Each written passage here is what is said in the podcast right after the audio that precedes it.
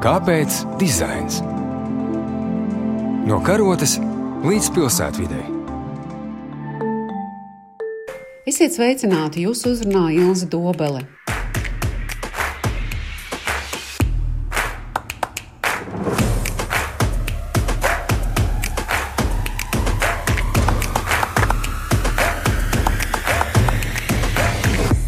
Dizaina gada balvas pasniegtas. Pēc divu gadu pārtraukuma nacionālas nozīmes apbalvojumus saņem grafikas, produktu, digitālā, vides un interjera, kā arī pakalpojumu, politiku, stratēģiju, dizaina profesionāļi. Piešķirti trīs īpašie žūrijas apbalvojumi un lielā balva No daudzajām idejām kopumā 150 žūrijai bija jāizvēlas labākie. Par startautiskās žūrijas darbu dzirdējāt mūsu desmitā māja raidījumā, bet lūk, kā to tagad, pēc uzvarētāja noteikšanas, raksturo žūrijas priekšsēdētājs Martins Fosleitners, HP dizaina studijas dibinātājs un pasniedzējs no Austrijas. It was tough. Because, uh, Tas bija grūti, jo balvas organizatori lika mums katram no 150 dalībniekiem rakstīt personīgu komentāru. Piešķīrām katram punktus pēc sešiem kritērijiem, uh, un tad, kad mēs jau sanācām uz kopīgo diskusiju, ar katru projektu jau bijām iepazinušies. Startautiskā žūrija lēma piešķirt trīs īpašās balvas ārpus uzvarētājiem piecās kategorijās. Tās saņēma Screenings LV, digitāla platforma personalizēto krūtsvēža risku izzināšanai. Psihiskās veselības izglītības komunikācijas kampaņa Viss ir norma un Pinumu paviljons, par kuru ideju arī vairāk stāstījām pirms divām nedēļām. Martins Foslietners skaidro šo lēmumu. The point, because we need the special recognitions, because you always have a kind of a mission with your Pamatojums, kāpēc nepieciešamas speciāla um, balvas, ir tāpēc, ka tā ir zināma misija no žūrijas puses ar savu viedokli izcelt kādu īpašu projektu aspektu. Um, un kādreiz ar vienu balvu nepietiek. Vispirms es vēlētos izcelt žūrijas lēmumu par produktu dizainu, jo tas tieši saistīts ar attālināto vērtēšanu somehow we had a very clear understanding uh, which we shared commonly. And, uh, mums kaut kā bija vienota izpratne par uzvarētājiem. And, uh, Vislielākās diskusijas mums bija par produktu dizaina pretendentiem, jo mēs nevarējām tos novērtēt klātienē, sataustīt, redzēt vai pielietot.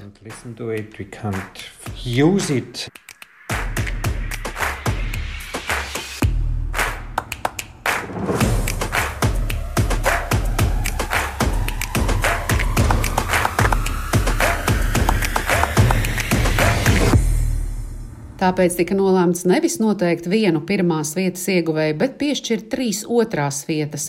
Un tie ir gaisa biofiltrs Elpo Planbut, autors Elpo komanda, Alekseja Golovņova veidotās rotaļu trepītes bērniem Happy Moon Climber un mēnešreizu apakšveļa That Day, kuras veidojušas Kintija, Anna Bērskalna un Līga Rīga. Jaunajā raidījuma sezonā labprāt iepazītu šos autorus tuvāk, jo tos izceļ arī viņu ideja realizācija citu ideju konkurencē. Turpina. Was, um, Un vēl viena interesanta lieta ir, ka liela uzmanība tiek pievērsta konceptiem. Tas nav tikai krēsls, tas nav tikai apgaismojums, tā nav vēl tikai viena mēbele, bet šo ideju un piedāvājumu koncepts. Pārdomātos konceptus noteikti veicinājis arī Covid attālinātā situācija.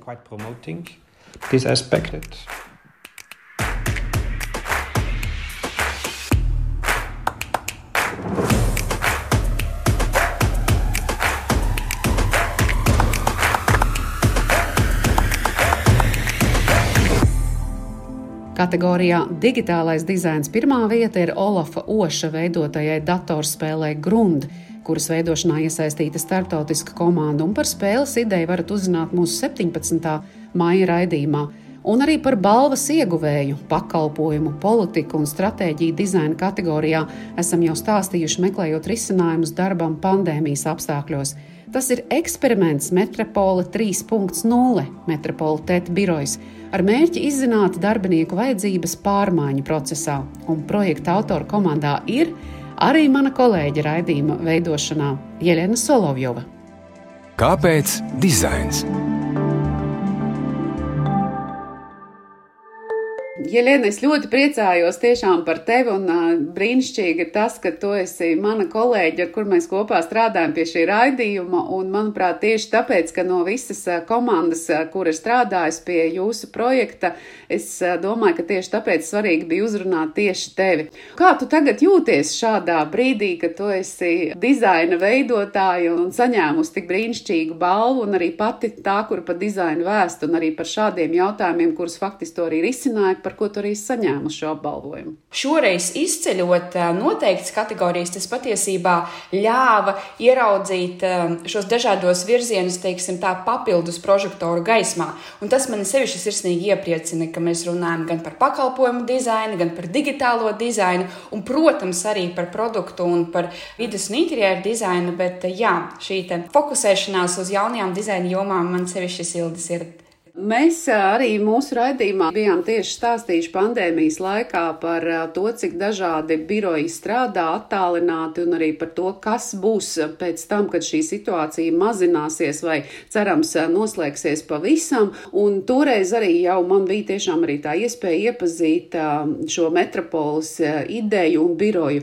Bet saki lūdzu, kas tev šajā darbā, ko tu esi paveikusi, šķiet tas svarīgākais, kur dizains ir spējis būt būt klātesošs un tā pēctecība, ko tas dos pēc tam un šajā mirklī, kad mēs tiešām joprojām esam tādā neskaidrā situācijā par to, kā dzīve būs nedaudz vēlāk. Nu, nekas nav pabeigts, viss ir tikai sācies, jo tieši Tas, ka mūsu projektā un risinot šos izaicinājumus tika pielietotas dizaina metodes, tas lielākais, manuprāt, iegums ir šī iespēja aizrakties tik dziļi, cik iespējams, eh, varbūt skatoties uz šiem problēmu virzieniem paviršāk vai citādāk, tas nebūtu bijis iespējams. Un tieši tāpēc mums ir izdevies ierakt tik dziļi izzinot lietotāju vajadzības, mēs turpinam risināt. Un es domāju, ka mēs turpināsim risināt eh, vēl vismaz gadu un vairākus gadus, jo projekts sākās patiesībā ar diezgan vienkāršām hipotēzēm. Mēs visi tagad strādājam no mājām. Mums ir jāsakārto tas, kā mēs online komunicējam, vai mēs ieslēdzam kameras, kāda ir mūsu etiķete, un kā mēs varam noregulēt to, cik daudz cilvēku ierodas vai neierodas eh, birojā vienlaicīgi. Bet, pateicoties vērienīgajai izpētēji, pateicoties dažādām dizaina pētniecības metodēm, gan kvantitatīvajām, gan kvalitatīvajām, mēs sapratām, ka Tā ir tikai šī aizberga redzamā daļa, un pētot, mēs sapratām, ka cik svarīga ir caurspīdīga sadarbības kultūra, cik svarīgi ir tas, kā uzņēmums plāno darbus, kā šis plānošanas process kaskadējas no vadītāja līdz darbiniekam, kāda mums ir vai nav atgriezeniskās saites kultūra, kā mēs veidojam neformālo komunikāciju tiešsaistē. Lūk, tā tad iespēja aizrakties līdz nevis risināt, kā mēs paši vairāk kārtīgi jau secinājām savā komandā, nevis risināt sekas, bet patiešām aizrakties līdz problēmas patiesībā patiesiem cēloņiem.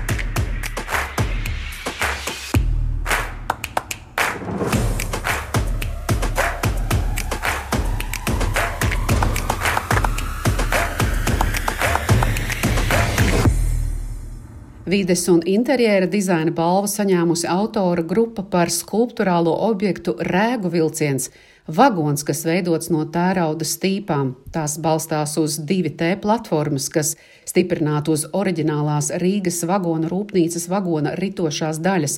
Par tā nozīmi vairākos izpratnes un izpildījuma slāņos stāsta viens no autoriem - arhitekts Reinis Liepiņš. Sākot strādāt pie Hansa Perona, bija doma par to vietas vēsturi. Šobrīd tā tēma ir aktuāla un cilvēki grib kaut kādu piesaisti pie saknēm. Un, diemžēl tajā rajonā dažādu iemeslu dēļ tika demontēta viss tā preču stacija, taču tā ēka, kas bija palikusi, un vēl tur dažas pazīmes un arhīva materiāli tomēr rāda, ka tas mērogs un tā stacijas esamība zināmā veidā nodrošināja to, kā Rīgas cenas izveidojas 19. gadsimta beigās, 20. gadsimta sākumā. Jā. Tad, tad tā ir ekonomika, tie sakari ar tā tuvākām, tālākām pilsētām. Tas bija nozīmīgs objekts kādreiz. Šīs vietas, preču stacijas, um, tāda vietas atmiņa, zināmā veidā, tika nodzēsta padomu laikā, kad tas kalpoja, zināmā veidā, pusmilitāriem mērķiem. Jā, tad, tad tur tika transportēts uh, viss militārā rūpniecība, kas tika ražota patās balas dambī, bija komutātors un tam līdzīgas iestādes. Faktiski tā bija tāda slēgta zona, un tad pēc neatkarības atgūšanas īsti tā teritorija drusku pastrādāja, bet tad bija kaut kāds noliktavs vēl un tāds otršķirīgi. Viņi nebija vairāk nopietni ekonomikas ķēdē. Un, taču viss tas, kas 19. gadsimta beigās, 20. gadsimta sākumā Latvijas laikā, ja, tur var redzēt, ka pa vienu pusi pienāk vilciens, pa otru pusi ar automašīnām ved projām preces vai atved. Tas likās nozīmīgi, un sākot strādāt pie šī, mēs tā kā tādi puikas drusku liekam atpakaļ tās sliedes, jo sliedes bija saglabājušās, nu, demontētās sliedes turpat tās bija un, un bija pieejams, un attiecīgi tā visa telpas kompozīcija, tāds jēdziens ir arhitektūrā, prasīja kādu noslēdzošo kompozicionālo objektu, kas varētu papildināt to visu, kas tur jau ir izdarīts. Un tad mēs sapratām, ka tas būtu vagons. Visiem tā ideja ļoti patika, taču tajā brīdī, kad jāsāk bija domāt, kā to realizēt, tas izrādījās nav nemaz tik vienkārši. Ja? Tad, tad bija daudz un dažādi varianti. Pirmkārt, kas tas būs, vai tas būs uz reālas platformas, vai tas būs, vai viņš brauks. Un tad um, ātrā tempā intensīvi meklējām, un no sākuma bija domāts taisīt no koka, tad nonācām pie tā, ka tas dārgi un varbūt smagnēji. Tad man labs draugs Jūvers Tenisons uh, ieteica pastīties tajā virzienā, un tas uzreiz salikās. Daudz tikos ar māksliniekiem, skatījos, kas notiek ar lielajiem vidas objektiem Eiropā.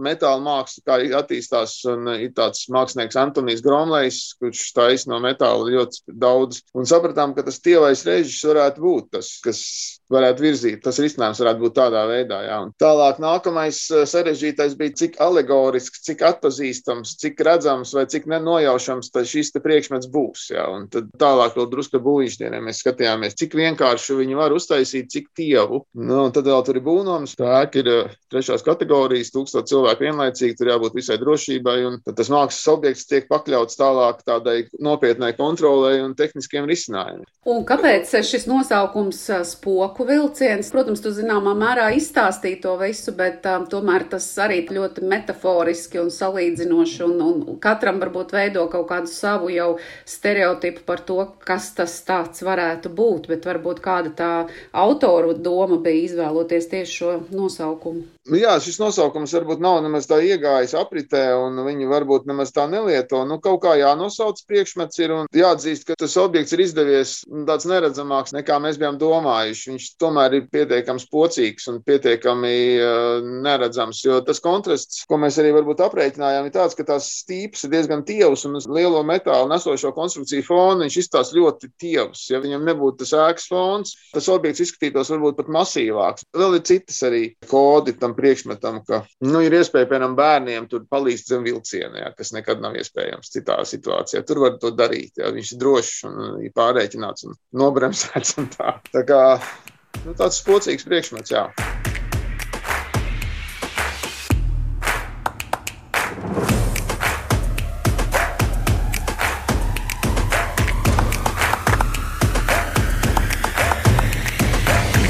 Bet ne tikai pirmo vietu grafikas dizainā, bet arī kultūras ministrijas lielo balvu ieguva Nord ID Riga grāmata Stories and Sounds vai stāsti skaņās, kas pavisam nesen Art Directors Club of Europe apbalvojumā ieguva zelta godalgu kategorijā Editorial Design. Te no autora kolektīva uzrunāju dizaineru Māju Rozenfeldi. Mūzikas radītā sajūta ietverta grafiskā valodā, un to papildus palīdz izdarīt arī lietotne Overlay. Jā, šis ir tāds pieredzes dizains, apkopots grāmatā, bet kopumā ar mērķi radīt pieredzi ieraudzīt to skaņu, ieraudzīt arī talantu kaut kādā vēl citā veidā un citā formā. Jo mums ir ierasts mūziku klausīties un baudīt to ar savām ausīm, ar, ar, ar dzirdi, bet mēs to īstenībā nekad neredzam. Ja vienīgi, protams, jā, tas ir varbūt kādā koncertā ar īpašu scenogrāfiju, kur arī, protams, tas ir papildinoši. Bet šeit, jā, tas uzdevums bija meklēt vēl citus veidus, kā tad mēs varam vispār parādīt arī tos sviedrus, ko tad mūziķis vispār ieliek tajā savu talantu veidošanā. Jā, tur arī radās šis pieskāriena efekts, no kura radās šīs glazmas. Mēs uh, dzirdam kaut kādu ritmu un, un sajūtam vibrāciju, un tad sanāk, ka šeit caur šo pieskārienu, caur uh, to, ka mēs ieliekam krāsu vai otu vai um, kādu dažādu mums bija flomasteri, mēs ieliekam to tā kā starpā, starp šo mūziķa rokām un vai citreiz arī caur muti vai kājām dejotājs horeogrāfs. Mēs tā kā tad varam notvert to kustību un to ritmu ieraudzīt arī fiziski, ne tikai viņu sadzirdēt. Un to arī vairāk kārt es uzsvērusi, ka tieši šī sajūta, ko mūzika mums rada, atrodoties vai nu mūzikas akadēmijas telpās vai koncertā, ka kādreiz ir tā sajūta, ka mūzika tev burtiski pārņem, to patiesībā pārnest vizuālā stāstā. Tas bija tas lielais izaicinājums un interesantā pieeja ka tieši šāds būs Latvijas Mūzikas akadēmijas jubilejas izdevums. Nevis kā varbūt ir parasti taisīt tādu enciklopēdisku stāstu, kurā mēs vienkārši varētu teikt pārskatām to, kāds ir katra devums. Šeit tā pieeja ir bijusi ar tādu mērķi. Jā, nu, kopumā tā sajūta bija, ka ir jārada tāds emocionāls līdzpārdzīvojums. Un, protams, tas iemiesojas arī šajās intervijās, kas ir nemazāk svarīgas par pašu dizainu, kur, protams, arī ļoti personīgi stāsti tieši no mūzikas akadēmijas dzīves. Un tas jau arī bija tas mērķis, ka tas vizuālais rada to emociju, bet negribētos teikt, ka viņš uh, nomāca to visu. Jo, protams, ka ļoti liela daļa no pašas grāmatas ir arī paši šie stāsti. Un, uh, tas uzdevums bija ar šo grafisko dizainu, to emociju vienkārši izcelt plaukā. Nu, teiksim, būt tādam cilvēkam, kurš uh, vai, nu, nelasa, vai, vai varbūt atstāja viņu nu, tā lēnītēm, ja kaut kad pašķirstīs. Tā, tā emocija būtībā rodas jau no tās pašķirstīšanas, un tad pēc tam līdz tās iedzināšanās tajos pašos pieredzes stāstos. Kā tu varbūt kopumā ne tikai kā uzvarētāju un galvenās balvas, arī tā skaitā ieguvēji, bet arī kā profesionāls vērtē to, ko tu redzēji šajā gadā balvas pretendentu un iesniegumu konkurencē?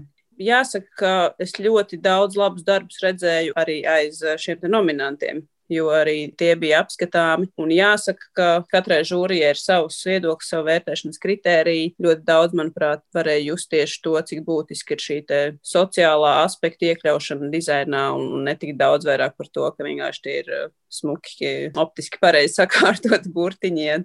Tas, manuprāt, ir kā tāda būtiska tendence. Nu, savā ziņā arī laba tendence, bet, ja skatās no tāda vizuālā krafta viedokļa, tad tiešām mēs strīpes šķita ļoti daudz tādi manu foršo kolēģu darbi. No vienas puses varētu teikt, ka bija prieks redzēt, žēl, ka viņi ir aiz tās svītras, bet ka viņi ir.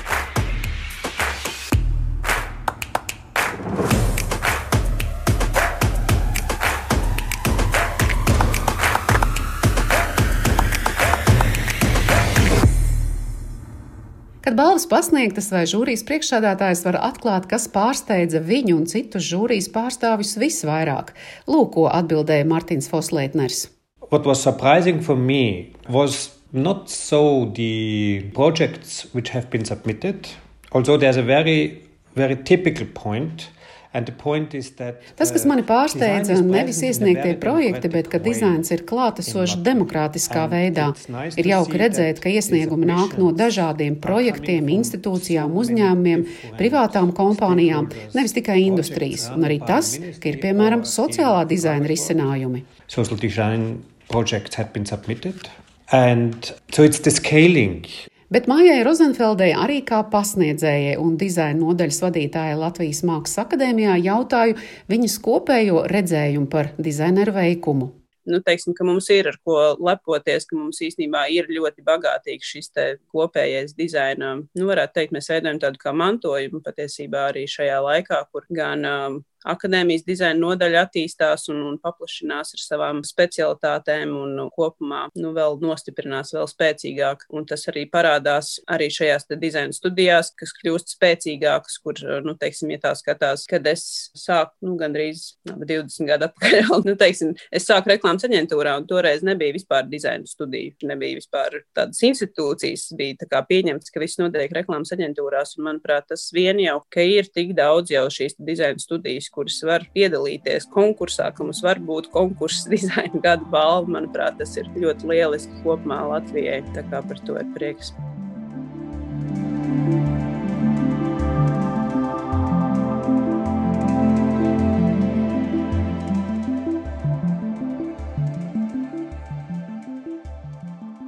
Balvas pasniegšanas ceremonijā un arī raidījumā uzrunātie balvas saņēmēji ir patiesi priecīgi par šo iespēju dalīties ar savām idejām, un kaut arī skaitliski un attālumā ieturētā manierē satiekoties, sajust dizaina kopienu.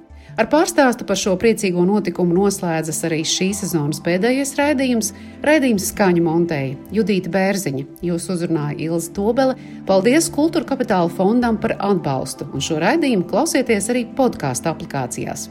Tiksimies atkal un turpināsim!